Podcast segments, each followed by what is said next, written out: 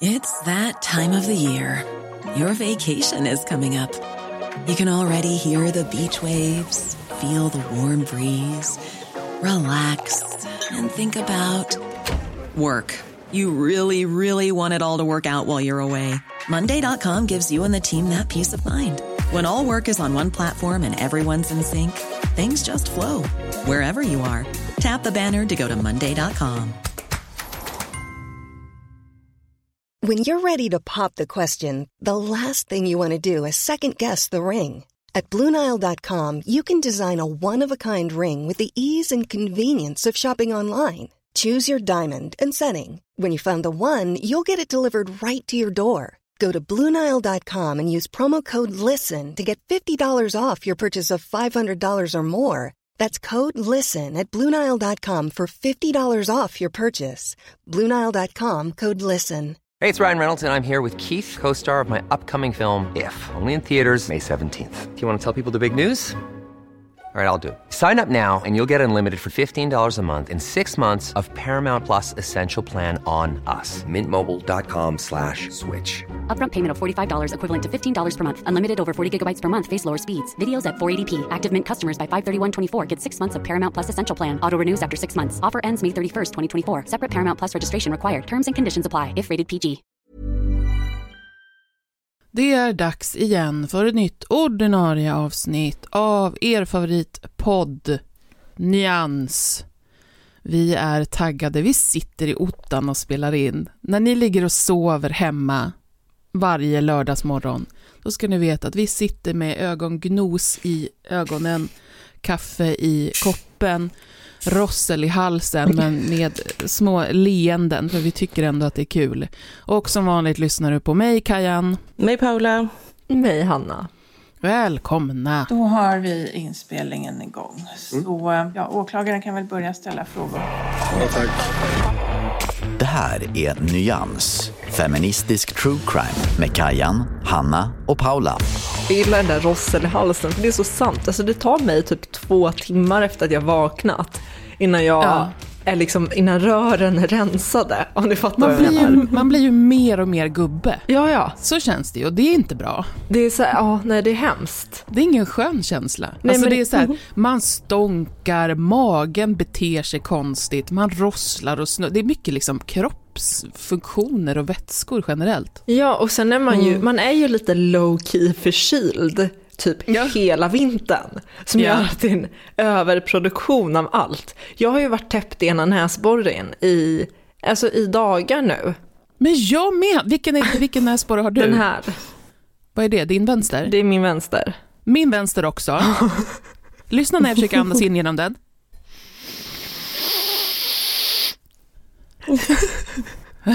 Skitirriterande. Ja. Jag, jag har ju också väldigt, för det här brukar inte vara ett problem för mig. Jag är väldigt privilegierad när det kommer till näsgångar. Ja, det är Jag har ju, ja det är jag verkligen. Jag har jättestora näsborrar och jag har också jätte, ja men det är väldigt öppet i min näsa. Jag är så avundsjuk. Ja, Mm. och det är ju så när man skulle göra covid-testerna ner i näsan, det liksom berörde mig inte. Mm.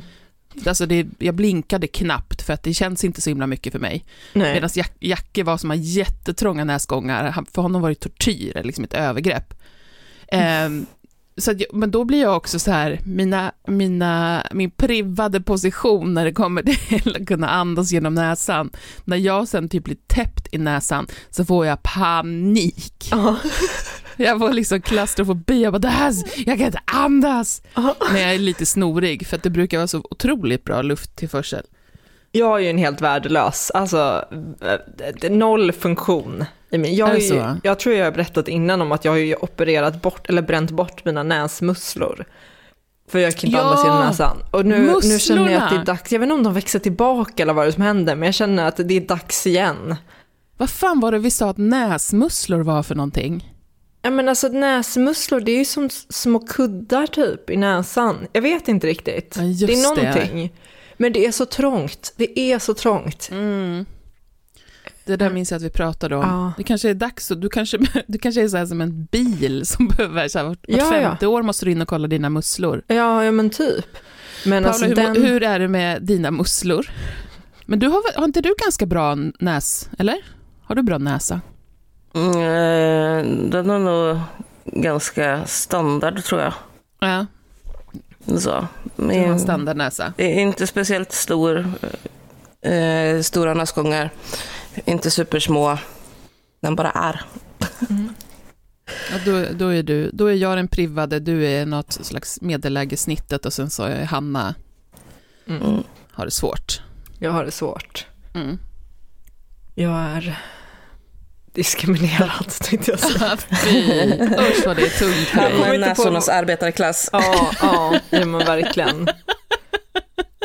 Ehm, Jag är ju, jag är ju alltså då, det är ju ganska ofta som jag är beroende av nässpray också. Ja. Jag vill bara spruta hela tiden. Ehm, Ja. Jag har ju på mitt nattduksbord en Ja. Är du då...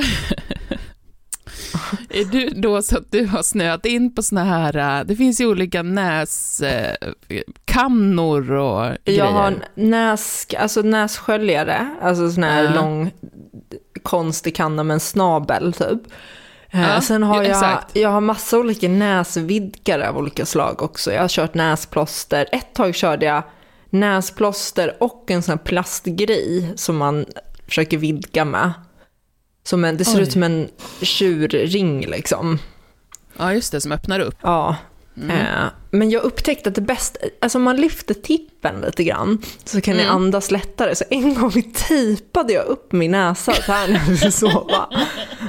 Eh, problemet är ju att den där, det lossnar ju så fort man typ rör ansiktet. Åh nej. Men ja, jag provar nej. allt.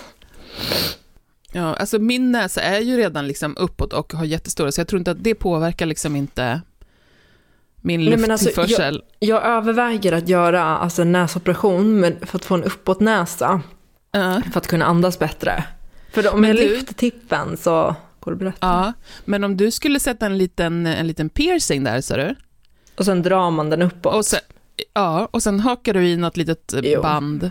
Tro mig, bara typ jag har typ övervägt. liksom- hårsnodd. Alltså du har en bulle på Ja. huvudet och sen så har du bara som en rem ner över pannan och näsan och så håller den upp. Jo men alltså jag har övervägt Ja, jag förstår det. alla alternativ. Mm. Vi har ju börjat gå på um, badhuset på fredagar Mm. med, eh, med kidsen. Vi har ju så Mysigt. äv- äventyrsbad i Uppsala, eh, Fyrishov. Som ju är alla barns dröm. Eh, och så har vi köpt, alltså det är så dyrt. Det, det är så sant? dyrt att försöka hitta aktiviteter till eh, sina barn, att de ska få röra sig. Nej men det är så sjukt, Betty går ju på fotboll, det är inte så jättedyrt. Eller ja, det kostar ju pengar. Men, men att kunna köpa, vi fick lov att köpa årskort nu då för hela familjen, för att det är det som är det billigaste. Annars kostar det 400 gång, eh, varje gång vi går dit.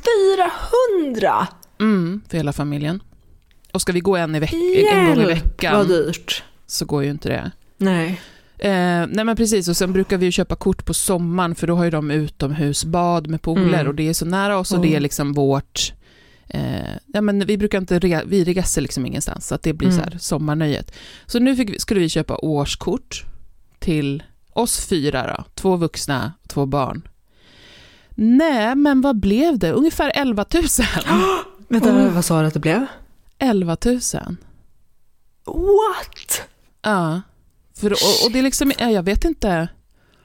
Och visst, nu har vi tillgång till allt i ett år Ja. och få gå. Men det är också så här, för det är svårt, som sagt, Betty har fotboll, Alfred är jättestillasittande. Mm. Eh, han liksom har ju inte det umgänget med kompisar så att han springer runt, han är så, han har liksom inga, inte den typen av intressen heller. Nej. Så och ska vi få igång honom, så han är så motivationsdriven, det måste vara något han tycker är jättekul. Ja. Och då blir det så här, ja men då blir det bad, bad Ja. och simma. Och ja, men det alltså det är jättebra aktivitet. Alltså Ja, det är, det är superbra, superbra. grej.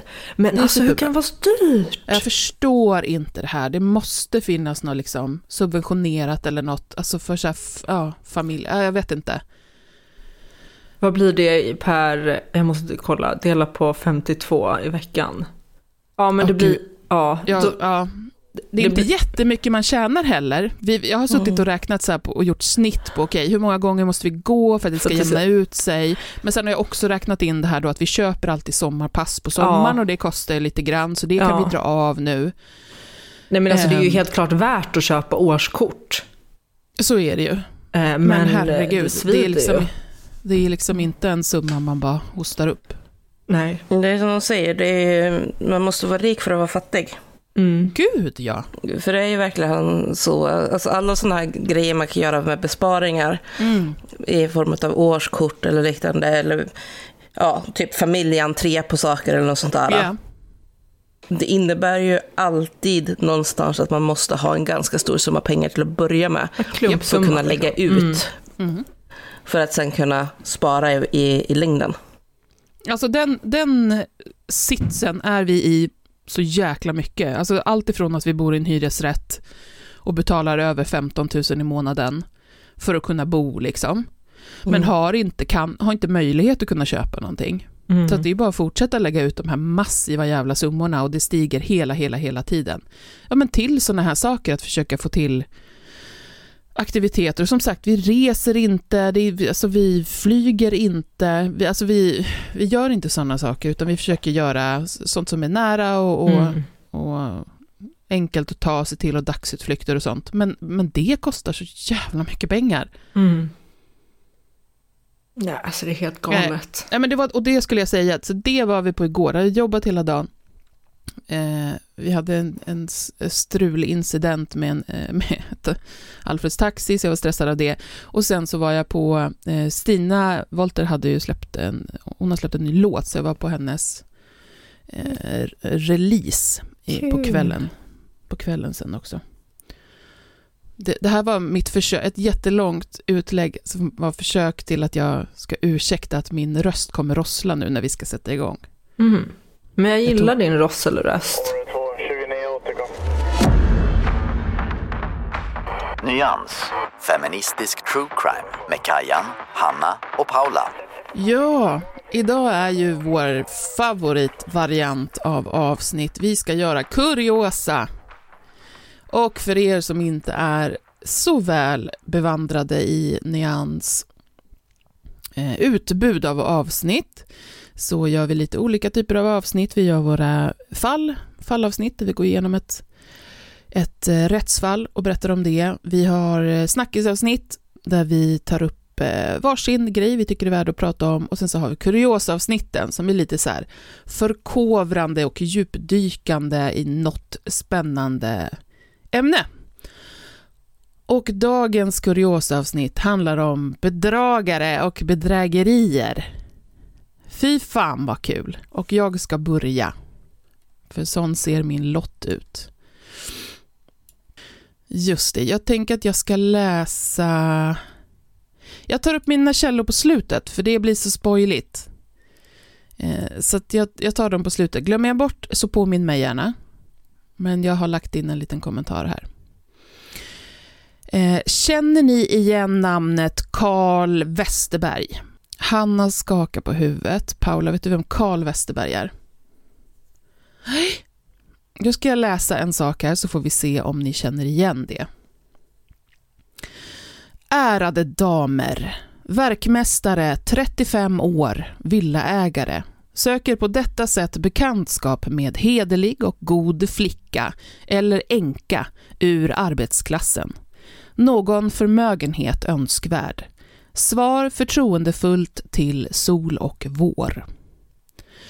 Det är alltså Carl Westerberg som skriver den här kontaktannonsen som publiceras i Stockholms-Tidningen 20 februari 1916. Och det blir genom den här annonsen som Carl Westerberg inte bara kommer att göra sig ett eget namn som bedragare, han kommer också ha döpt en hel genre av bedragare fram till våra dagar. Jag ska dra hans historia lite kort här så kommer ni att förstå varför hans solovårande blev till ett helt bedrägeribegrepp. Eh, denna man då, Karl, han bodde på Arbetargatan 24 i Stockholm, på Kungsholmen. Eh, låter fint idag tycker vi. På den tiden så var det ett område som man eh, skulle ha klassat som en no-go-zone. Eh, det var jävligt stökigt. Det var mycket brottslighet. Man fick liksom se sig om när man gick ut på gatorna för att det var väldigt stökigt. Och när Westerberg skickar in den här annonsen så har han egentligen redan en fästmö som han bor med. Han har också en son på 12 år. Det skrev han förstås inte med i sin annons. Och det är väldigt många kvinnor som svarar på den här annonsen. Konstigt nog kan vi tycka, men utbudet var väl kanske inte toppen. Och en av de kvinnorna är Helga Berggren. Hon går på hushållerskeskola och eh, skriver i sitt svar att hon är liksom kapabel och vet hur man sköter ett hem med allt vad det innebär. Och hon skriver också att hon har tillgång till 4 000 kronor.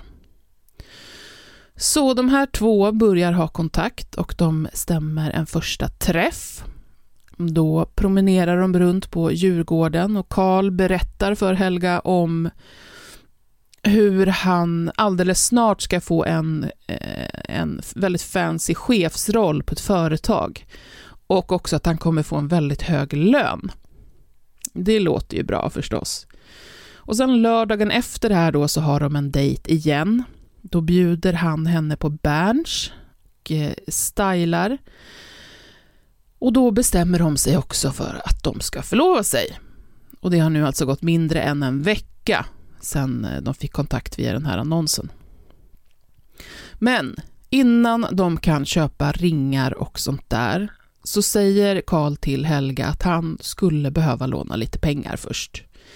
För han ska ju köpa en villa i Upplands Väsby och eh, det behövs lite slantar till det som han av olika anledningar bara liksom inte har tillgång till just nu. 2000 kronor är det han behöver och det var ju 2000 kronor då och då kollade jag på Ekonomifakta vad det är idag och det är 92 910. 92 910 kronor. Så det är ju en, eh, det är en slant. Men han får låna de här pengarna av Helga och eh, kort tid efter det så går de också och köper ringar. Karl får träffa eh, delar av Helgas familj ett syskon som han liksom också stylar med och bjuder på eh, fin restaurang. Men sen börjar det bli problem, för Karl dyker inte upp till nästa dejt. Eh, Helga står och väntar, han kommer aldrig och till slut så går hon bort då till Arbetargatan där han bor och knackar på. Men kvinnan som öppnar där, hon säger att eh, ja, men herrn som bor där är inte han är inte kvar, han har rest till Skåne. Det ska ju sen visa sig att den här kvinnan som öppnar är Karls flickvän, men det vet ju förstås inte Helga om då. Helga går till polisen. Bra gjort Helga. Och eh, det här är ganska intressant, för polisen 1916 är jäkligt handlingskraftiga när det kommer till Karl och hans bedrägerier. Karl grips Eh, men av de här pengarna så finns det inte eh, så mycket mer kvar än några kronor.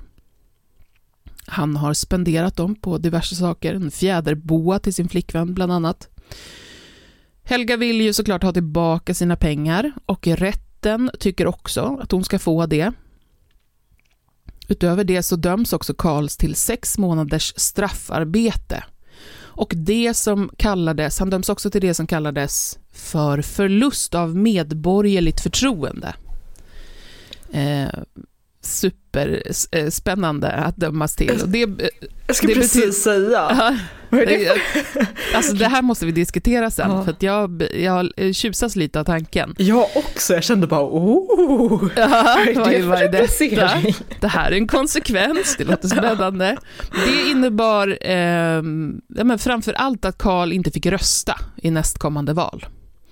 Så att man liksom var, var inne och tallade lite på hans eh, men hans, hans rättigheter som medborgare. Eh, men Karl gav ju inte upp efter det här. Det gör de ju sällan, solovårarna. Den här typen av bedragare verkar ha det här som livsstil.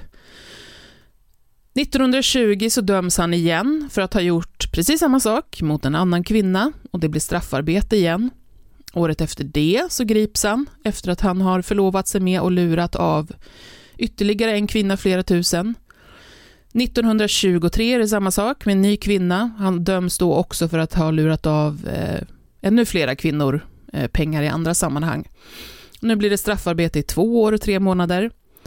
1929 så döms han igen. Då har han lurat av folk eh, pengar på, på lite olika sätt. Han eh, säger bland annat till människor att de ska eh, betala honom slanta upp och då ska han anställa dem för olika jobb och så här. Han har olika kreativa lösningar. Och under den här tiden så hinner han också gifta sig och skilja sig flera gånger med olika kvinnor. Men alltså hur Så- orkar man? Jag det fattar är, som inte. sagt, det är en livsstil alltså. Det är ett helt... Eh, Jag nämnde ju lite raljant att eh, polisen på tidigt 1900-tal verkar kunna lagföra den här typen av brott väldigt väl. I vart fall om man kollar på exemplet Carl Westerberg. Så ser det kanske inte riktigt ut idag, eller om jag ska vara helt korrekt, det finns en del mer kända fall eh, som ger exempel på hur den här typen av bedragare dels är återfallsförbrytare eh, och dels hur svårt det kan vara att eh, ja, men få dem att sluta, liksom sätta stopp för det. Ett sådant exempel är en som jag egentligen hade tänkt berätta mer om, men som vi nog har bestämt oss för att göra ett helt avsnitt om längre fram istället, för det finns så mycket. Eh, och det är Ljungbybedragaren.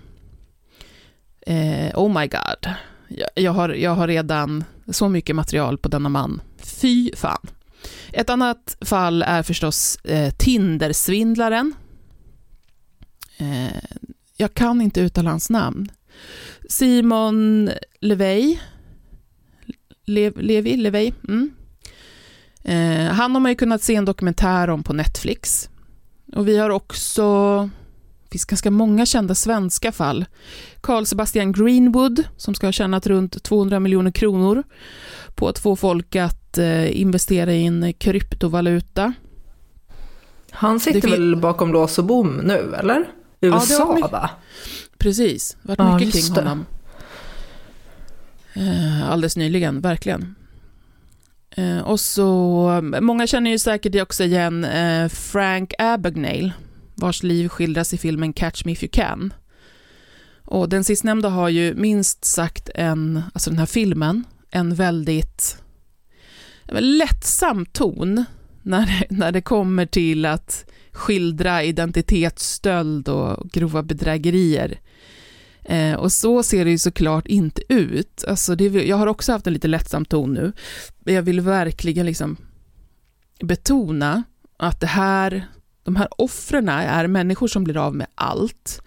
Det är offer som hamnar på gatan, som hamnar i missbruk, vissa har tagit livet av sig. Det är många äldre personer som blir lurade och som lever med en alltså, oerhörd skam Eh, Eh, för att de liksom har gått på det här då och tycker att det är deras eget fel som har varit så dumma.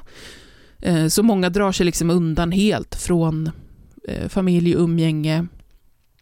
Vi kan väl räkna med att det finns ett ganska stort mörkertal också, när det, och det brukar det ju finnas i, när det kommer till eh, brottsutsatta som också, att det finns ett stort stigma kring, eller en stor skam kring det man har blivit utsatt för.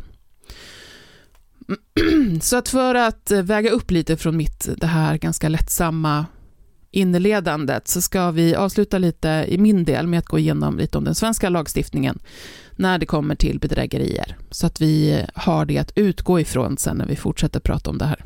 Ja, vi ska gå igenom lite grann då vad det här, eh, den här genren av brottslighet, vad det är för någonting och hur det regleras i lagen. Så i brottsbalkens nionde kapitel ska man läsa om vad lagen säger om bedrägeri och annan oredlighet. Och då är det, om vi börjar med själva bedrägeribrottet, eh, och det går ut på att eh, den person som på ett vilseledande sätt får någon annan att göra något, eller också får någon annan att avstå från att göra något, Ehm, och att det här som man får personen att göra innebär vinning för en själv som då gärningsman. Ehm, så, så kan man dömas eller ska dömas för bedrägeri. Och bedrägeri, då döms man till fängelse i eh, högst två år. Man kan också dömas för bedrägeri om man har lämnat oriktiga eller ofullständiga uppgifter. Eh, om man på något sätt påverkar resultatet av en automatisk informationsbehandling så att det innebär vinning för en själv och skada för någon annan. Om det här bedrägeribrottet anses vara ringa, alltså ska vi säga mindre allvarligt, så döms man för ringa bedrägeri till böter eller fängelse i max sex månader. Eh, det står också så här. För ringa bedrägeri döms också den som utan att göra rätt för sig tillgodogör sig husrum, förtäring, transport, tillträde till föreställning eller annat sådant som tillhandahålls under förutsättning av kontant betalning. Och det här är då oavsett om personen vilseleder någon eller inte. Om man eh, anser att bedrägeriet eh, inte är ringa utan tvärtom grovt så döms man för grovt bedrägeri och då är det till fängelse i lägst sex månader och högst sex år.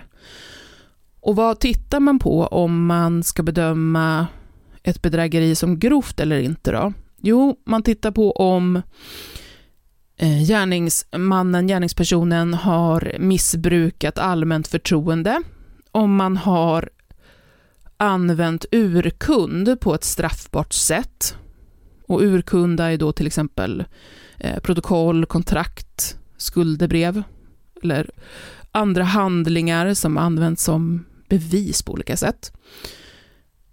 Eh, eller då, grovt också då, eller då man har eh, använt vilseledande bokföring. Eller om bedrägeriet varit av särskilt farlig art, avsett betydande värde eller inneburit synnerligen kännbar skada. Så det är egentligen de, eh, de klassiska sakerna man bedömer om ett, ett brott är grovt eller inte. Under samma lagstiftning så kan man också dömas för eh, några andra typer av brottsrubriceringar. Ni som lyssnade på vårt avsnitt om sexualbrott ehm, fick, hoppas jag fick en bild av hur den här uppdelningen kan se ut, att det är liksom en hel en stor kategori och sen så finns det en rad olika rubriceringar inom den kategorin. Och jag ska bara rabbla några till här. Vi har till exempel fordringsbedrägeri och det är om man riktar betalningsuppmaningar till en större krets. Vi har subventionsmissbruk. Det handlar om eh, att eh, man använder bidrag eller pengar som, som påverkar EUs budget för, ehm, alltså till ett annat ändamål än vad det var avsett för. Man kan också dömas för olovlig befattning med betalningsverktyg, utpressning, ocker, häleri, svindleri, oredligt förfarande och ockerpantning. Och för alla de här brotten, inklusive bedrägeri naturligtvis, så kan man också eh, dömas för förberedelse till brott. Så det är en ganska eh, saftig kategori som man har att jobba med. Och nu pratade jag lite en hel del om sol och vårare. Det är ju inte eh, den enda typen av bedrägeri som finns. Vi har pratat om det lite i i Slack under veckan. Eh, mitt nummer är precis på någon slags lista för tjommar som sitter och ringer runt och ska försöka få en att uppge eh, sina sitt eh, kontonummer eller godkänna betalningar. Senaste personen som ringde till mig eh, hette Niklas och han ville berätta att det här, den här tävlingen som jag var med i, där jag vann en crockpot det låter allt som ett knarkverktyg alltså.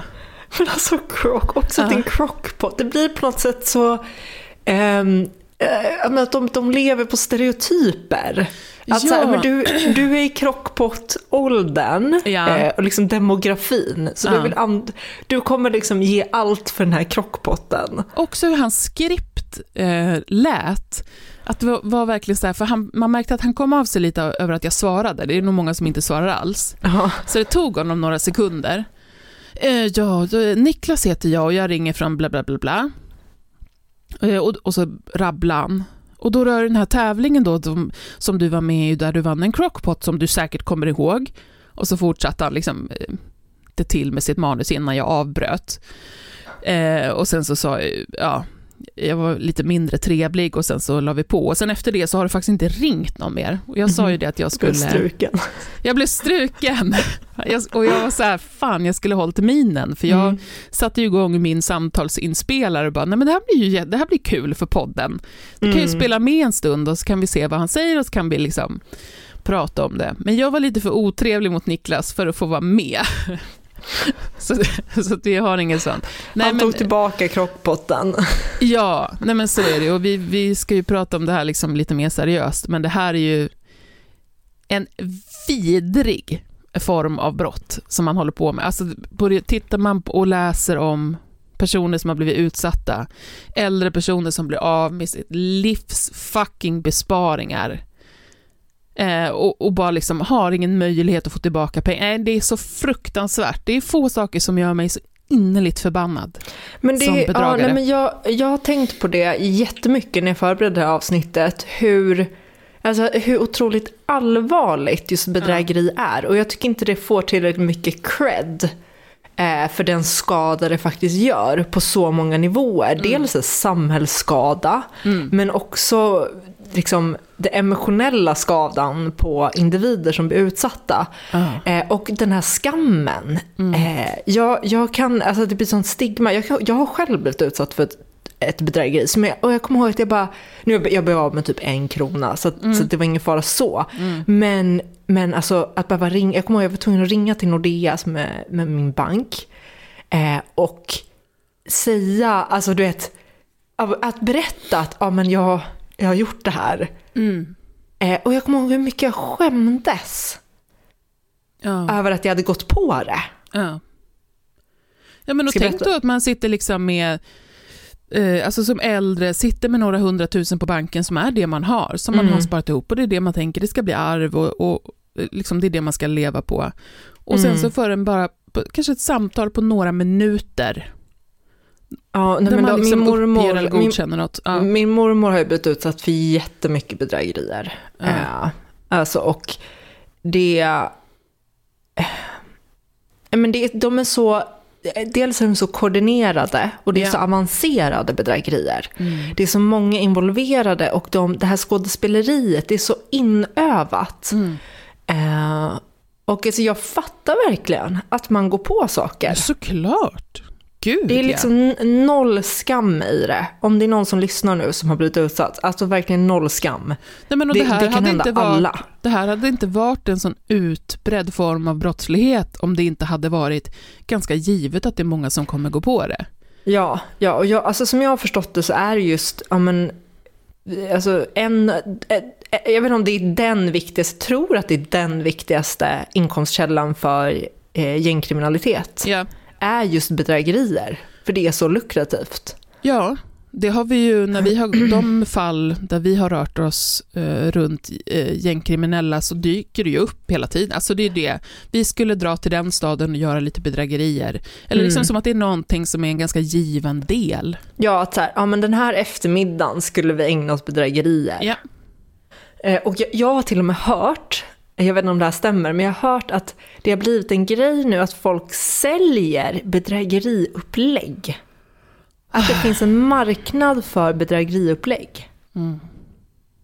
Ja, nej men säkert. Det är, ja, Jag tänker också att mer om vi, när vi gör eh, Ljungbybedragaren sen, som är liksom ett, ja men han blir ett väldigt bra exempel på hur, hur förödande det här kan vara för väldigt, väldigt många människor. Nu inför det här avsnittet som vi gör nu också så kollade jag på eh, på några dokumentärer rent allmänt och lyssnade på lite poddar och sånt där, inte som, inte som rör liksom det jag pratade om specifikt, men bara bedrägerier. Och de utsatta som pratar om, alltså en gammal kvinna som sitter och pratar om att det här är, alltså, hon känner sig ju våldtagen. Och, och har liksom inte eh, slutade umgås med människor, liksom, för att hon skämdes otroligt, otroligt mycket. Innan jag glömmer det nu ska jag bara eh, rabbla eh, just det här då som jag pratade om Carl Westerberg och källorna till det. Det är eh, Svenska Dagbladet som har skrivit en, ett eh, reportage som heter Annonsen som gav första sol och våraren napp Ehm, Svenska Dagbladet har i sin tur, vilket, det här är ganska en charmig grej, de har i sin tur fått eh, sina uppgifter då från bostadsrättsföreningen Kronobergsgården, som har någon slags, eh, gör någon liten eh, bok eller liksom, samling med texter. Och de har i sin tur återpublicerat en text av journalisten Jan-Olof Olsson. så roligt, han, han gick under namnet Jolo, Jolo, och han var en, en känd journalist, skribent, författare runt mitten av 1900-talet, som skrev då eh, en hel del om Karl, Karl Westerberg.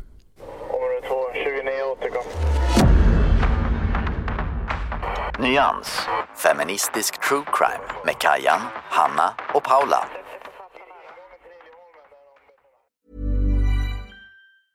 It's that time of the year. Your vacation is coming up.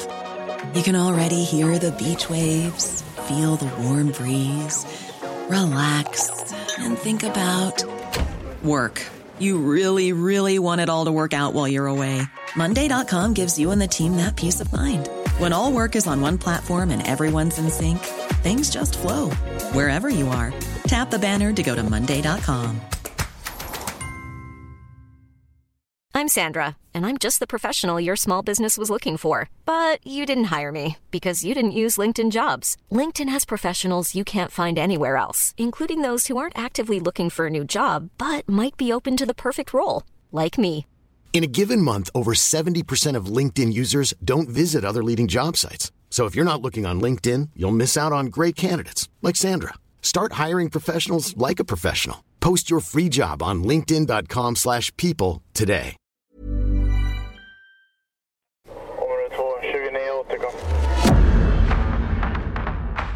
Nyans, feministisk true crime med Kajan, Hanna och Paula. Jag tänkte att jag ska prata lite om Matt Cox. Det är alltså en klassisk så här, amerikansk conman, alltså bedragare.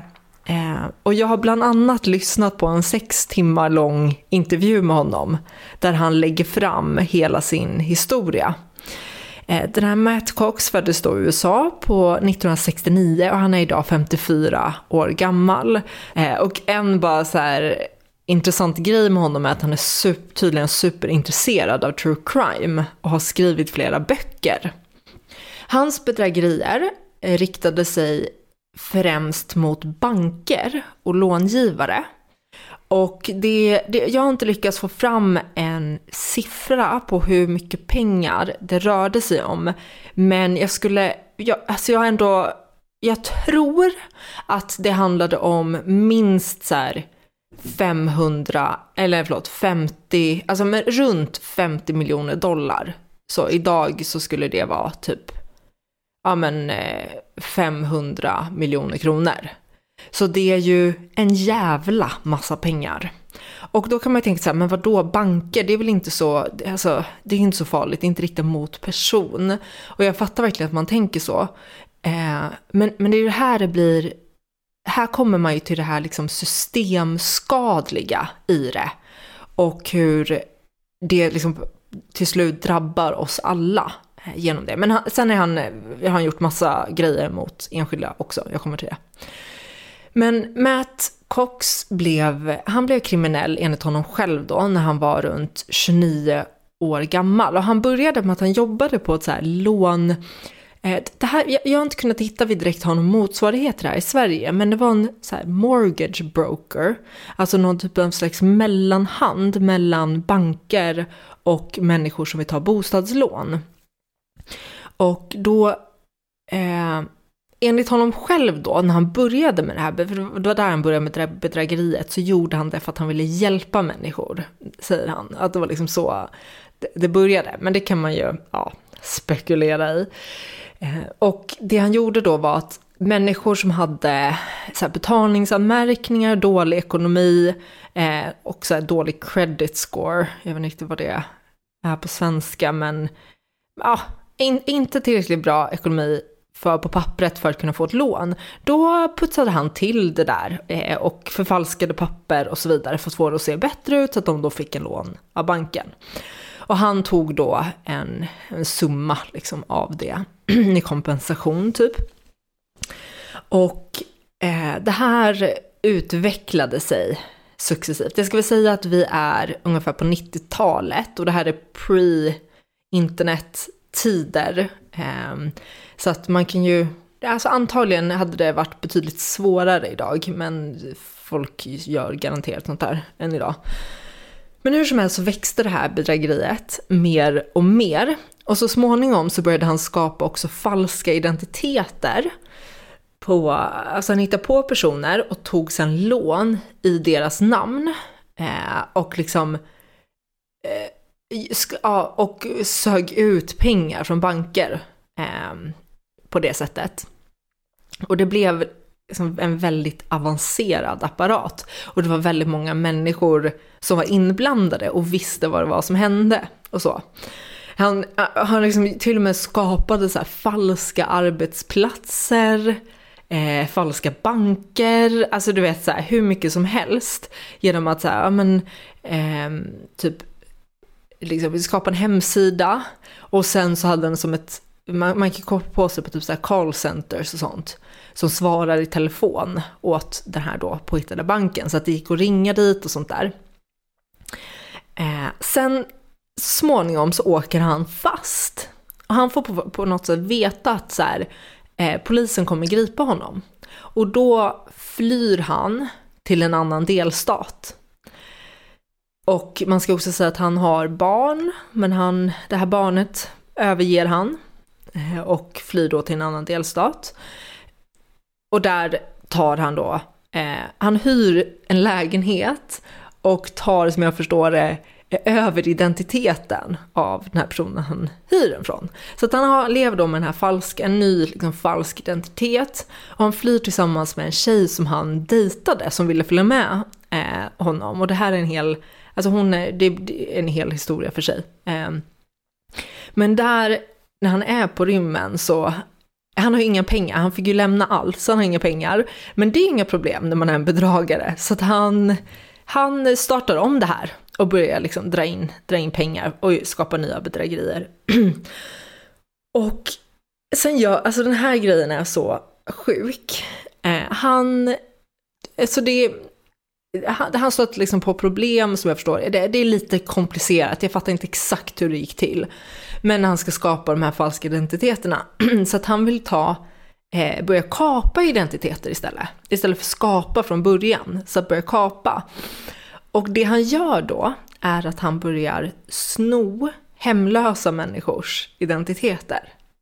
Så, och, det, och sättet han gör det på, alltså det här är så sinister.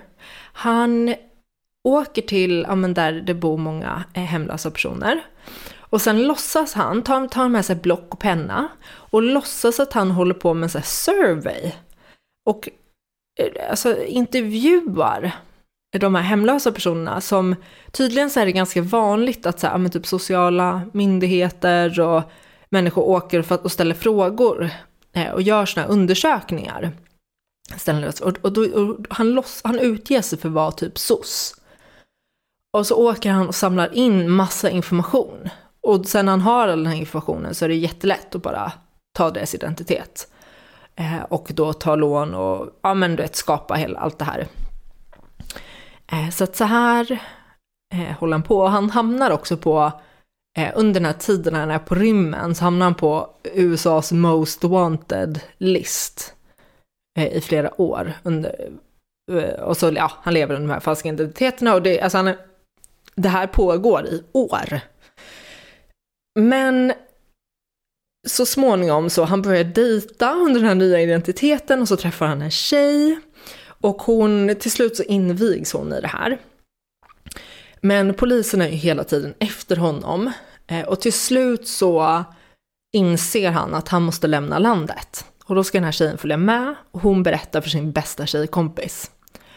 Och den här bästa tjejkompisen läser på nätet om, eller kanske inte på nätet, ja, ja men i olika tidningar, om den här Matt Cox. Och bara, men gud, det här är ju, det här är ju han. Så att hon ringer eh, polisen och han blir tagen till slut. Men man ska också säga att den här, hans första flickvän då som han rymde med, hon har, hon har åkte fast. Big time liksom. För att hon var ju delaktig i bedrägeriet och när hon åkte fast och hon blev dömd för det här så hon hävdar ju att ja, men det, det är han som liksom typ misshandlade henne och lurade henne in i det här. Och jag kan liksom inte bedöma de uppgifterna. Eh, det, det, jag vet ingenting om det egentligen. Det är bara det jag vet. Och det är den här då tjejkompisen läser om det och bara, men gud, det här är ju en jättefarlig människa. Så hon eh, polisanmäler och han åker, åker fast till slut. Och sen då, eh, han, han döms, och alltså USAs rättssystem, vi har varit inne på det många gånger förut, men det är ju så, alltså det är så fakta på många sätt. Han döms i alla fall till 26 års fängelse.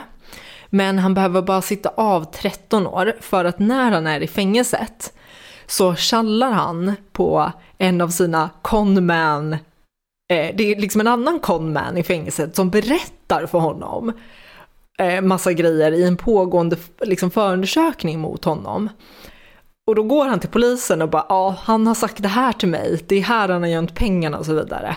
Så då får han på olika sätt ja, men, reduktion i sitt straff. Och så kommer han ut efter 13 år. Men en till grej som var så helt bisarr med det här.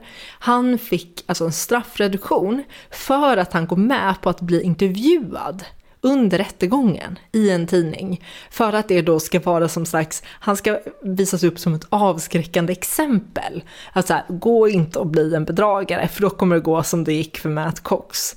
Och så får han alltså en straffreduktion för det. Hur stört är inte det?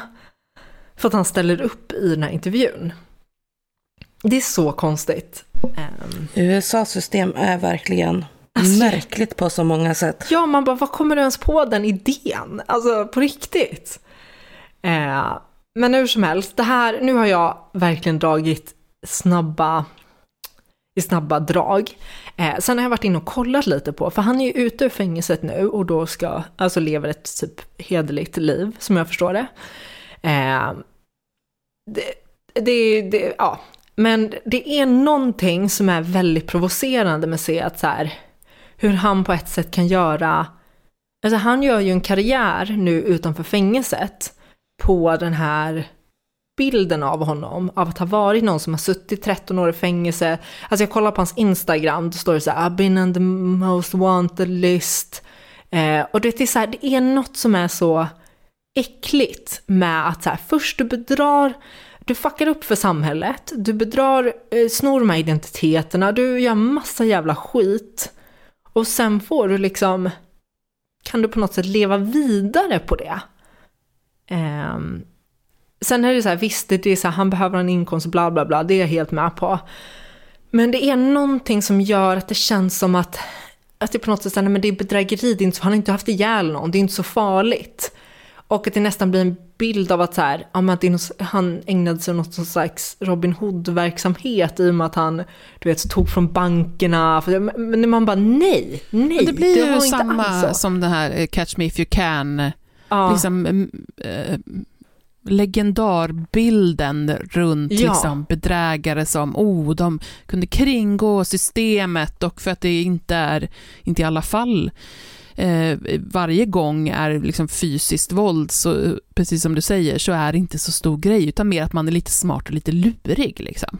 Ja, ja, men att, det är så här, att han är så, för det är, den, det är den bilden som kavlas ut och målas upp kring att han är så otroligt talented och smart. Och det är synd att han inte använder sina skills till någonting vettigare.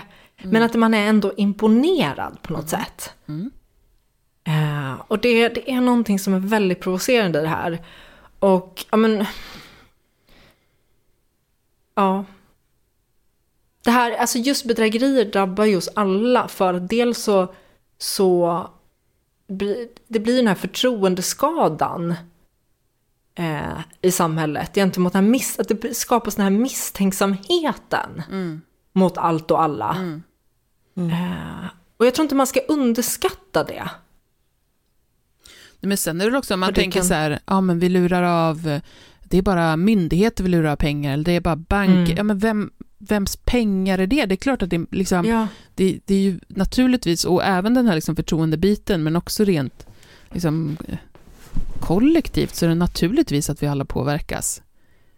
Ja, och om, som du säger, just det här ja, myndigheter och sånt, det är så här, ja men det är ju våra skattepengar. Ja, alltså Eh, och sen- Försäkringskassan, liksom, Mm. vilka kommer drabbas av det? Ja, ja. Eh, men sen också, jag tänker att han, ja, men han var inblandad i viss korruption också, han typ mutade en så politiker för att den politikern skulle godkänna hans ja, fastighetsköps bla bla bla. Eh, och där är också en sån här grej, korruption är ju extremt skadligt. Det får ju, dels så riskerar det ju, men det är ju sånt här som gör att typ broar kollapsar och sånt där. Eh, ja, men, men, men det var min Matt Jag har liksom aldrig hört talas om människan. Nej, inte jag heller. Och sen nu när jag kollar, så han är med i hur mycket så poddar som helst. Har den här sociala media, ja men typ influ- han är typ influencer. Som Gypsy Rose. Ja, det är typ som Gypsy Rose. Vi får en hel genre av de här. Ja. Vi får göra ett avsnitt bara om så här Ja. eh, kriminella influencers. Ja. Eller ex-kriminella, eller vad man nu ska säga. Ja. Dömda för grovt brott och sen Ja. gör influencerkarriär på det. Ja. Mm. Toppen. Mm. Jag fick bara- tänka på, har ni sett eh, Polka King? Nej, det väcker en... Jag tror inte. Det ringer någon klocka. Det är eh, film med Jack Black i huvudrollen. Jo. Som är baserad på verkliga händelser. Inte sett. Eh, för det är, han är, alltså den karaktären som Jack Black spelar. Det är typ också en så här superkänd eh, bedragare från USA. Och, det, och jag fattar att man har gjort en film på det. Och jag fattar till och med att, att man har liksom satt någon som Jack Black i huvudrollen. För att den snubbens livshistoria är också så här otroligt absurd. Så det är typ att han eh, eh, är immigrant från Polen. Och ihop med några annat folk så har han startat ett polkaband. Som kör. Det är därför han heter The Polka King. Eh, och har också någon butik där han säljer liksom så här polskt krimskrams och sina skivor och sådana saker. Eh, men det går ganska dåligt för både butiken och det här bandet. Så han gör en sån här ponzi-scheme. Scheme, ja. Alltså, eh, vilket alltså betyder att han lurar folk att han kan eh, placera deras pengar. Och så ger han utbetalning till vissa genom att lura av andra pengar. Och så håller han på sådär och så tar han ganska mycket till sig själv. Eh, men han lyckas alltså skapa Eh, ja, men han, det, men de mest uppmärksammade grejerna är ju att han säljer en massa biljetter för att de ska åka, vara en grupp människor då, som ska åka på eh, ja, typ pilgrimsresa till Vatikanen. Och han hävdar när han säljer in det här att han är kompis med påven. Så att han kommer kunna liksom ge audiens till påven om de åker på den här resan. Och det sjuka är att han lyckas. Så det finns bilder på den verkliga snubben ifrån den här resan när han har lyckats på något jävla vänster lura sig in i Vatikanen så att påven ger han och hans resenärer audiens. Så det finns bild på honom och hans medresenärer då, eh, och påven. Men det här får mig att tänka på Paolo Macchiarini. Paolo Macchiarini var ju också så här, man bara, snälla vad håller du på med? Typ så här, när han skulle gifta sig med den här amerikanska ehm, journalisten så hävdade han ju att påven skulle komma på deras bröllop. Och hon bara, eh, det var där hon bara, hennes, hennes eh, eh, Varningssignaler. Var det började blinka liksom. Bara, va, va, vadå på? Va? håller på? Men just den här själv, den här grandiosa självbilden, att den blir bara Mm. mer och mer uppblåst Alltså hela Trump tiden. är ju en Mm. typisk sån här eh, eh, bedragarkaraktär. Alltså Ja. fullkomlig Mm. gränslöshet, eh, narcissister, ju, liksom tycker inte att regler finns det, för dem. det gäller inte Nej. mig. Nej, men Och, precis. man, och verkligheten kan man, Mm. det kan jag bygga lite grann som jag vill. Och är det någon som tycker annorlunda så säger jag att de ljuger och så säger jag vad, hur jag tycker att det är. Ja, Mm. men just där man blandar fakta. Ja. Alltså fakta är inte, det är bara en åsikt. Ja. Jag, Mm. jag, jag känner att det är så. Jag, jag, I min verklighet är så här. Så spelar det ingen roll vad som är fakta. Alltså Trump är ju en, en, den här typen av bedragare, alltså, men live and kicking håller, håller på med det. L- Ja. Liksom har, har fått, och som vi kan tycka är så här, men gud det är så sjukt, hur kan folk gå på det här? Alltså han står ju bara, alltså han bara hittar ju, han bara hittar ju på, Ja. det är bara vansinne.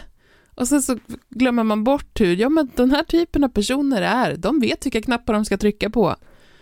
Ja. Mm. Manipulativa Ja, asen. Hatar Ja. dem. Fy Mm. Ja. fan. Ja. ja, men det är ju det som är så sjukt också när de, som, som i den här Polka King-grejen, liksom, att han faktiskt i slutändan inte ens ljög. Nej. Att han verkligen fick till den där jävla audiensen med, med påven, trots att påven inte hade någon jävla aning om vem han var. Men ja, det finns ju sådana här grejer, alltså de här som verkligen kan manipulera alla på något vänster. På de här helt sjuka sätten. Mm. Och sen han, kunde han ju använda det, för då hade eh, i fortsatt liksom bedrägeri. För nu hade han ju bilder Ja. på att de har gjort den här resan. De träffade påven, han ljög inte. Nej, men och, då, och då fortsätter ju liksom eh, begreppet sanning att förvrängas i hans huvud, kan jag tänka mig. Att, att säga, Mm, ja men jag sa att det var precis. så, då, jag fick det ju bli så. Så, så att då, Mm. då kan man ju säga vad som helst. Alltså det är, åh, det provocerar mig Mm. väldigt. Ja. Precis. Ja, och sen blir det ju sådana grejer som, han blev ju påkommen till exempel. Eh, och eh, då hävdade ju han att han var, att han ju inte var amerikan, utan polack i början och från början och att så här gör man i Polen hela tiden. Eh, han hade ingen aning om att det var olagligt, han ber så himla mycket om ursäkt. Eh, och han ska givetvis omedelbart upphöra med det här. Och så startar han bara ett nytt företag och börjar om. Alltså nu tänker jag också på, för att liksom göra eh, kopplingen till, eh, det blir allvarligt på ett annat sätt. Vi har ju den här dubbel-dubbelmördaren i Sverige som, ehm, åh, nu minns inte jag vart i Sverige det var, skitsamma, ni kommer känna igen det. Han ehm, jobbade ju liksom som ekonomisk rådgivare och, och, och gjorde det åt två olika eh, ja, men, eh, medelålders äldre par. Jag tänkte på honom Mm. också. Och där han liksom Mm. under ganska lång tid får, ja, men han, han får dem att investera på olika sätt och, och, och roffar åt sig pengar och sen när, de börjar, när det börjar skava, de börjar komma på honom, så slår han ihjäl dem med baseballträ och, Mm. och eh, tuttar på husen. Mm. Mm. Det fanns ju en annan person som hade koppling till honom, alltså typ en annan klient, även om det var en klient, men jag tror det. Som, han blev inte dömd för det, men eh, det var, alltså att en person brann inne. Och det klassades som en olycka. Ja men det var det paret innan tror jag. Ja, ah, just Ja, det, just Så det. han just det. dömdes Mm. för, eh, för, för det, det liksom uppdagades ju med, med då ska vi säga, Mm. eh, par nummer två. Mm, när, man det. märker, när man hittar liksom kroppen, då, de här är ju, de har ju inte dött av branden, de är ju ihjälslagna. Och, då vi, och sen Mm, så tittar man mm. på den här personen och så bara, men vänta, det har hänt exakt samma sak med ett annat par Ja. innan. Mm. Det är så obehagligt att titta på, ehm, eller att lyssna på förhören med honom. För att Mm. det, det Mm. finns ju olika kategorier såklart av, av brottslingar och av mördare. Det här känns som en person som bara, han var så inne i, i sitt bedrägeri och Mm. kom inte ur det. Och, och då var han så djupt inne i det så att hans lösning blev bara, jag får slå ihjäl dem. Ja. Mm. Nyans, feministisk true crime med Kajan, Hanna och Paula. Jag tänkte att vi ska hoppa bakåt i historien ganska rejält. Till 1500-tal. Och eh, ja, det blir ju framför allt i Tyskland, även om det här förekom i viss utsträckning även i Sverige. Men inte fullt lika mycket. Så jag ska prata avlatsbrev. Och eh, jag vet ibland har man fått läsa om det i religionshistoria när man gick i skolan och sådär. Och ibland inte. Det är lite sådär varierat på det, för att det är ju liksom lite av en parentes inom den kristna historien. Och eh, man vill nog ganska mycket få egentligen mest lägga locket på och slippa tänka på att det här har hänt. Eh, och som sagt, det förekom ju absolut mest i Tyskland. Varför man väl också lite grann tysta ner det. Men eh, avlatsbrev, det var en form av skriftligt dokument som biskopar kunde få. Och eh, det var, hade då så, speciellt kyrkosigill på sig. Eh, de var liksom äh, fancy värre. Och det de gick ut på var egentligen att tala om att personen, då, den här biskopen, hade bekräftat, gjort sin avlat, vilket alltså är botgöring, kring någon form av synd som han hade gjort.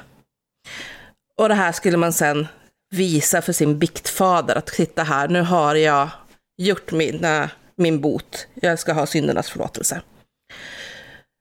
Ehm, men de här avlatsbreven hade egentligen ingen juridisk effekt på något sätt, utan det var mer ett kyrkligt dokument för att tala om för andra inom kyrkan att nu har man gjort det man ska. Och förtjänar att bli behandlad väl igen, eller vad man ska säga. Ehm, men från första början så var det så att det var bara biskoparna som kunde få det här. Det var ingenting man gav till random adel ens en gång, eh, absolut inte till bönder eller liknande. Men sen börjar man handla lite grann i smygundan med de här grejerna.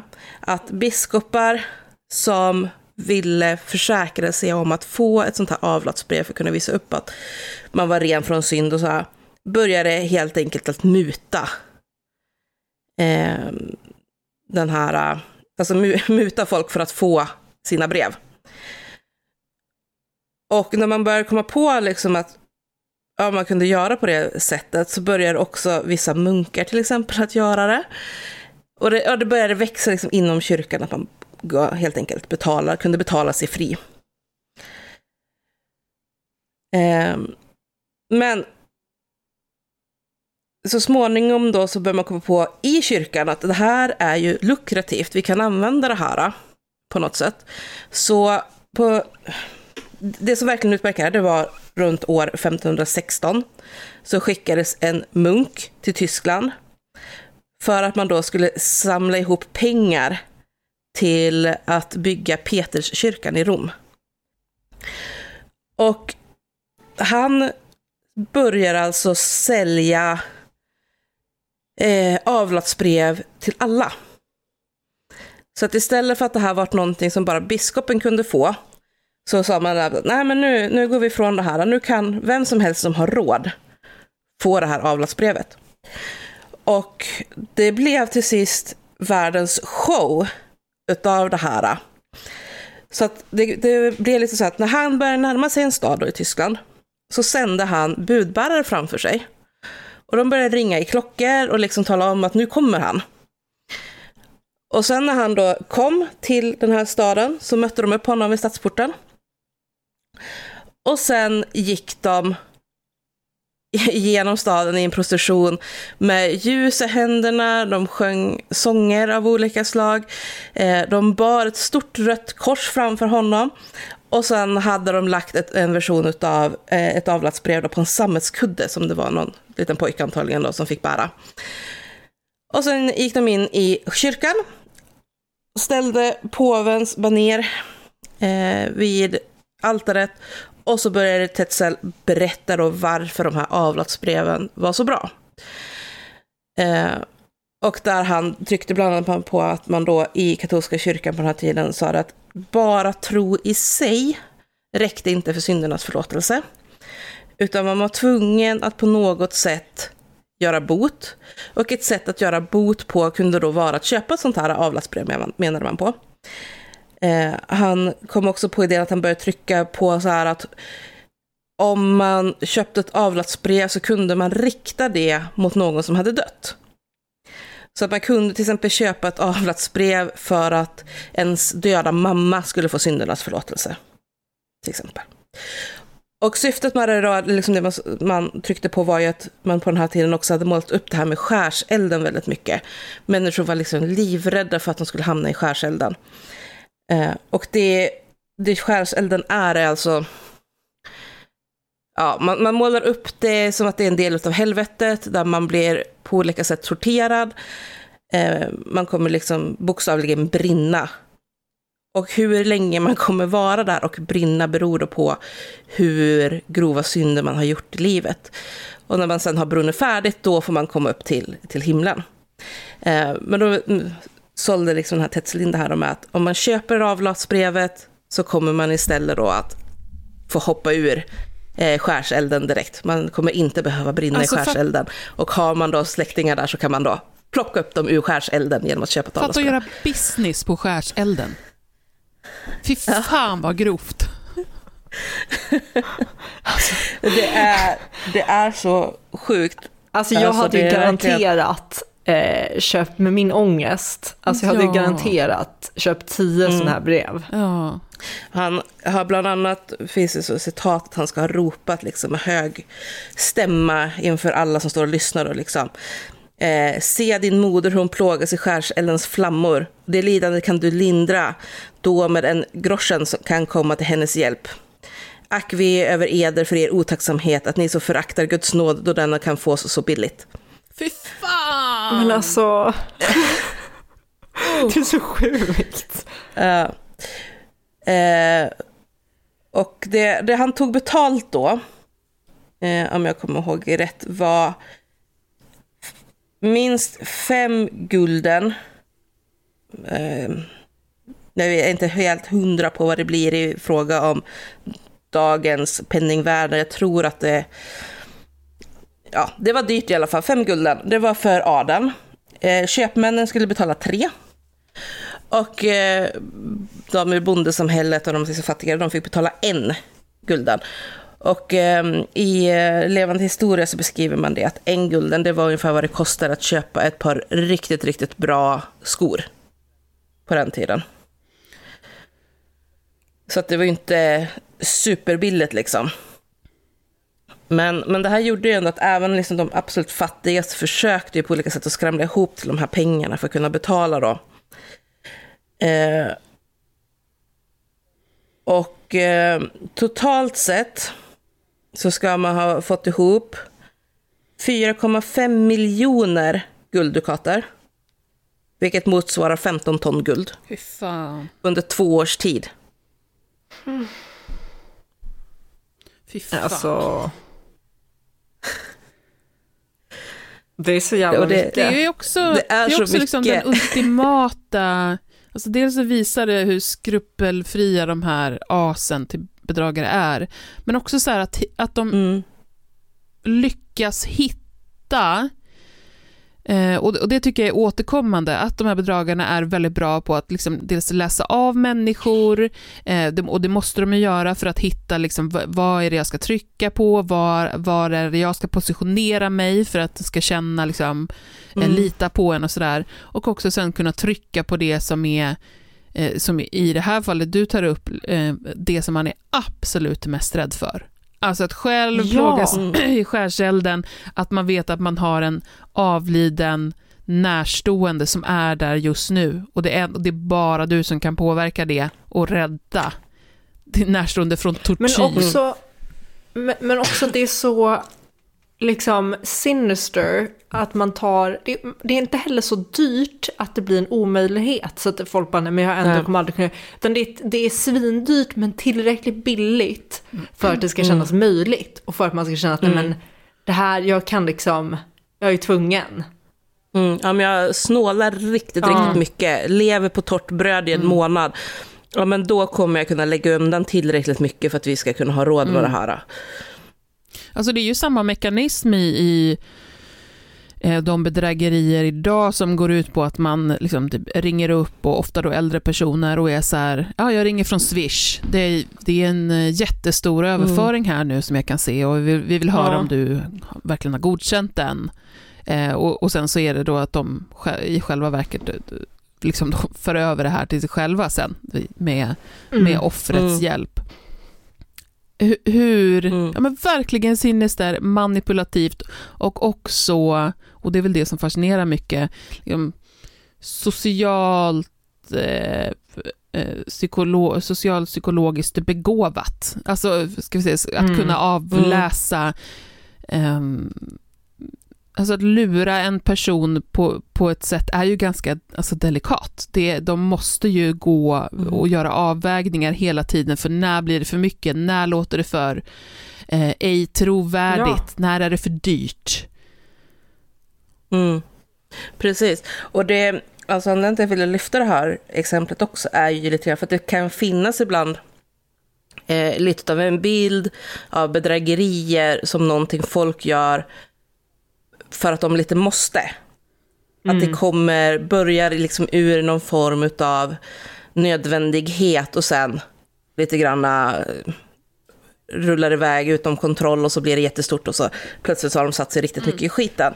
Men i det här fallet så är det ju verkligen den instans i samhället som hade absolut mest makt i samhället just då, det var mm. kyrkan. Mm. Ja, ja. Det fanns liksom inga som hade så mycket makt som biskoparna och, och kyrkan. Och att det just då är den instansen, den rikaste instansen med mest makt överhuvudtaget, som kör en sån här äh, bedrägeri-raid runt om i, i Tyskland för man bara, äh, men vi vill bygga en ny kyrka och vi vill inte behöva ta för mycket av de, det guld vi redan har. Så att nu lurar vi av alla fattiga, eller ja, rika också för en del, men alla vi kan, så mycket pengar vi bara kan så att vi kan bygga den här kyrkan. Det alltså det är så illa. Det är som att de tänker också så här Men visst också att det kan komma varifrån. Vi, vi, förstår ju bättre, alltså vi kan inte bara be om de här pengarna för att de fattar inte hur viktigt det är på samma sätt som vi som är väldigt, väldigt mm, smarta ja. fattar det. Så att eh, egentligen är de ju skyldiga att betala de här pengarna, för det vet ju vi, för att det, det här måste ju göras. Men vi får ju, eftersom att de är korkad, mm. mer korkade än vad vi är, så får ju vi bara hjälpa dem på, eh, på ett sätt. Så vi måste ju bara motivera dem lite grann till så att de liksom ja. ska betala in de här pengarna som vi vet att de måste betala in och som bara är rätt att de ska betala in. Ja, men det, det, på ett sätt är det också lite fascinerande för att det är liksom ett av de största bedrä bedrägerierna i, i världshistorien på något sätt. Mm. För som sagt, det kom även till Sverige. Det blev ju inte riktigt samma grej här som det blev i Tyskland. Um, men, men det såldes under perioder även i Sverige, åkte man runt och ville ha avlatsbrev. Av lite samma skäl, liksom, att man ville få in pengar till kyrkan. Mm. Mm. Så då gjorde man det. Och eh, så här i efterhand så finns det ju historiker som menar liksom att det här att den protestantiska kyrkan bildades och att det blev liksom ett, ett brott eh, i kristendomen där och sen utvecklades till två olika kyrkolinjer, eh, mm. eller vad man ska säga. Det drevs på bland annat av det här, för Martin Luther som grundade den protestantiska kyrkan var inte glad över de här avlatsbreven. Och del av hans sådana här, äh, han spikade ju upp eh, sina åsikter, sina brev på dörren till en, en kyrka. Och eh, bland de grejerna som han spikade upp var ett brev om just det här med avlatsbreven och hur illa han tyckte om dem. Och att kyrkan liksom lurade folk på pengar för någonting som, inte, som det inte fanns eh, fog för. Mm utifrån eh, vad, vad Bibeln faktiskt lär och sådär. Och det var ju också en del av liksom det här med kyrkans makt på den tiden, att man skrev Bibeln på latin. Vilket gjorde att det var ju bara de kyrkligt lärda som kunde läsa Bibeln. Så de kunde ju i princip säga vad de ville mm. om vad som stod i Bibeln, för ingen annan än de kyrkligt lärda kunde ju liksom säga huruvida det stämde eller inte. Så bestämde sig tillräckligt många inom kyrkan för att det här är en bra grej, det här gör vi. Och så påstår vi att det finns fog Ja. för det i Bibeln. Ja, då kommer de inte kunna bli Nej, ifrågasatta. perfekta upplägget. Så att, eh, ja, så att eh, en av de första grejerna som Martin Luther gjorde när han grundade protestantiska kyrkan, det var ju att göra en översättning till eh, dåtidens tyska. Ja, Eh, med just motiveringen att kyrkan ska inte kunna ha den Just här det. makten, utan alla ska kunna läsa eh, Bibeln och själva bilda sin uppfattning om vad som just faktiskt det, står. förstås. Vilket ju katolska kyrkan inte alls var glad i i början. Såklart. Kom inte och förstör för oss nu. Nu är vi värsta upplägget här. Vi har ju massa pengar. Nej, men alltså, det är så spännande. De var ju skitnöjda. just att kolla historiskt på bedrägerier, för det här, är ju något, det här har ju funnits så länge Mm. vi har funnits och liksom haft eh, Mm. sociala Det interaktioner. finns säkert någon jävel när vi bodde i, i, fortfarande bodde i grottor som eh, gjorde Gud, något bedrägeri lovade en björnfäll och sen gav ihopsyddade harpälsar istället. 100 Och procent. lova. Ja, men alltså, och när man kollar, jag hamnade på någon sajt och bara kollade lite så här, ja, de största ja, men kända historiska bedrägerierna. Alltså det är ju folk som har, som har sålt, alltså lyckats med det, Eiffeltornet och London Bridge. Förlåt. Förlåt, jag Nej men bara- alltså, Fast det finns inga gränser. Det finns inga gränser. Mm. Nej. Alltså till och med i Gamla Testamentet så finns så, så tar ju Bibeln upp exempel på bedrägerier. Ehm, en av de absolut första liksom i, i bibelhistorien är ju eh, om bedrägeri där eh, en, eh, en av kvinnorna i berättelsen som uppmanar sin favoritson att eh, lura sin pappa att han egentligen är sin bror. För att han då ska få pappans välsignelse, vilket blir typ uttalat ärva pappan, så att säga. Eh, så att hon lagar till eh, getkött och låtsas att det ska vara vilt och så får han sätta päls på sina händer och så för att hans bror är väldigt hårig. Och sen gå in till pappan som är typ Just det. Eh, Så pappan kan ju inte se honom, utan han känner med händerna liksom över. Och när han då känner att det är pälsigt, så går han med på att det är då den, den äldre sonen. Rash. Så det finns verkligen med, och, då, och det är ju liksom berättelser som är 4000 år gamla. Jag kollade på väldigt nyligen en dokumentär på Netflix som heter The Puppet Master, jakten på en mästerbedragare. Eh, kan, Mm. Den är från 2022, kan verkligen rekommendera den för att eh, ja, men verkligen få se på konsekvenserna av, av personer som blir eh, uppvaktade av och eh, sen utsatta för den här typen av bedrägare. Det är alltså ett, ett as till man som inleder olika typer av relationer, både vänskapsrelationer och, eh, och kärleksrelationer, där, eh, och han ljuger även på jobbet för arbetsgivare och sånt där, där han sen lite lägligt liksom kommer in på att han är en, han är en hemlig agent naturligtvis. Och bygger upp ett helt narrativ kring det här som, jag ska inte spoila allting, men han får ju liksom ganska snabbt och effektivt människor att leva på rymmen i alltså decennier. Han får människor att leva på gatan, att sitta i övergivna lägenheter, därför att de, och de tror på det här. Alltså de är, titta verkligen på den för att få exempel på hur såna här personer raserar liksom, liv, familjer, eh, fa- familjers och vänners och bekantas ekonomi för lång tid framöver. För det blir som ett nä, alltså, Mm. ringa på vattnet. Kedjereaktion. Ja, den Mm. är fruktansvärd, men jättebra. Mm. den. Men alltså en sista innan snackis. Jag måste bara, kommer ni ihåg den här galna australiensaren? Den här tjejen som låtsas att hon har cancer Ja. och att hon har botat sin egna cancer genom typ att äta eh, smoothie bowls. Och får med sig, och blir, hon blir någon slags influencer och får med sig massa människor. Och där är det så folk som skit, alltså inte tar sin behandling, alltså andra cancerpatienter. Som är såhär, nej men jag ska göra mig själv frisk genom att äta som hon och leva som hon. Ja, och så går de och dör sen. Ja, och hon hade inte alls cancer, ingenting. Vad var det här, typ, typ Alltså, folk är 8-10 så- år sedan eller? Det var en jättestor grej. Ja, det var inte så Nej. länge sedan. Uh, ja, nej men det är bara så här helt Och de sanslöst har, de har vad bara så här, folk... det, det hon hade att vinna på det, för jag tror inte att hon lurade pengar av folk på det sättet, inte på, eh, på ett direkt sätt. Men hon, hon, det hon hade att vinna på det var ju ja, men att göra sig själv till någon slags guru, att ha den påverkan Ja, hon- på andra, makt över Ja. andra. Men också hon fick ju så här bo- book deals och fick vara med på TV och sånt där. Ja, men skitsamma. Hon får bli ett, ett, ett eh, eget avsnitt. Mm. Det finns ju någon sån här spännande amerikansk bedragare också som utgav sig för att vara en Rockefeller Ja, under typ Ja. tio år och folk trodde på honom. Så att han, är ju- för han höll ju också på sådär med att han typ sålde konst och grejer som var pissdålig. Men eftersom han påstod sig vara Rockefeller så kunde han sälja den konsten jättedyrt till överklassfolk. För de var liksom såhär, ja men han är en Rockefeller och han säger att det här är bra så då tänker jag lyssna på det. Men det visar ju också hur så här sköra människor egentligen är. Att vi så här, in, istället för att så här, gå på det man själv tycker är fint så är det så här, nej, men jag, den här personen säger att den här pisskonsten är bra. Så då är den det. få mig inte, få inte igång mig på Precis. konst. Jag, jag, kände, jag Ja. kände att jag, bara, att jag ja, var på väg att aktivera Kajan. Backa ut ur rummet. Eh, eh, Vi ska kicka igång er på någonting annat istället. Ja. Område 2, 29 återkom. Nyans. Feministisk true crime med Kajan, Hanna och Paula.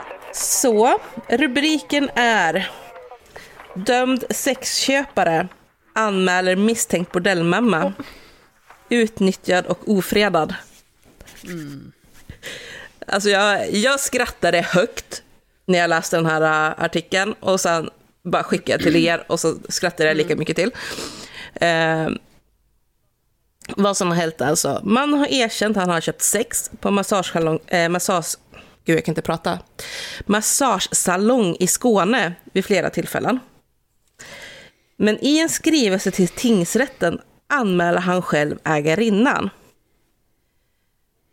Och det han då eh, hävdar är att han har blivit sexuellt utnyttjad i beroendeställning. Men alltså. Och bland annat skriver han i anmälan. Även om onanering utförs på mig så spelar det ingen roll om jag njutit eller inte. Jag har varit i en extremt maktlös situation och upplevt psykisk terror genom att jag kommit i god tro med ändamål primärt för medicinsk massage för att sedan bli utnyttjad och ofredad. Men alltså... Alltså, hallå? Han har sedan gått tillbaka till salongen och betalt för sex 12 gånger. Och när han får frågan varför han har fortsatt gå dit och betalat för det här så svarar han bara det vet jag inte. Det är något jag måste söka inom mig. Jag har gjort fel och det erkänner jag. Men alltså du kan ju inte köpa sex av någon och sen säga att du känner dig utnyttjad För att du köpte sex. för att du köpte sex. Nej, det, det blir en eh, tankevurpa. Hallå? Det, det, det är liksom, en hallå? fantastisk gränslöshet i också det här ommodifierandet av verkligheten. Det bara, ja, nu sitter Men- jag i den här sitsen och mm. de har kommit på mig, men det här måste ju vara mest synd om mig ändå. Ja. Men alltså fattar ni den copingen den här människan Ja. har? Alltså vilka försvars... men hur, alltså hur man ens lyckas utveckla sådana coping Ja. skills. Att så här, jag har begått ett brott, men egentligen så var det jag som var utsatt. Det är Och ju i det här imponerande. fallet också, men alltså just i det här fallet också där det verkligen är så här att, nej men, eh, kvinnan som han anmäler då, alltså där vet man liksom, men hon står ju just nu åtalad för att ha tvingat eller utnyttjat utsatta kvinnor Ja. att sälja sexuella tjänster på den här massagesalongen. Att i den situationen, där det verkligen är så uppenbart att de här kvinnorna har varit jätteutsatta och definitivt inte i position att utöva någon makt över någon överhuvudtaget. komma och liksom, nej jag var i, i en beroendeställning. På vilket jävla sätt är du i en beroendeställning när det är du som sitter på pengarna?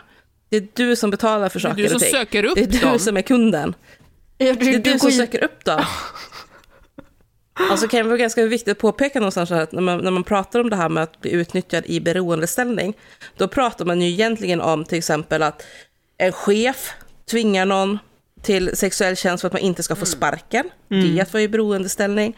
Eh, en lärare som tvingar fram eh, sexuellt, sexuella tjänster, eller vad man ska säga, alltså by- tv- tvingar sig till övergrepp eh, mot en elev som är i beroendeställning, att säger man nej eller liknande så kanske man får jättekassa betyg och så vidare.